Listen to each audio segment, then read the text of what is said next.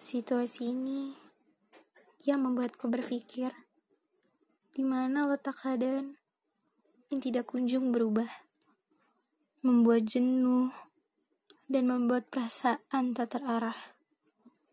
Suasana yang ramai di bulan Ramadan telah hilang.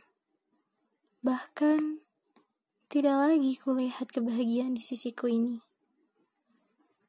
Di mana kalian?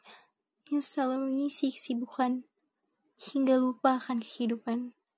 Sepi sekali yang kurasa saat ini. Yang awalnya ku tak pernah tertidur. Sekarang aku lupa caranya bergerak.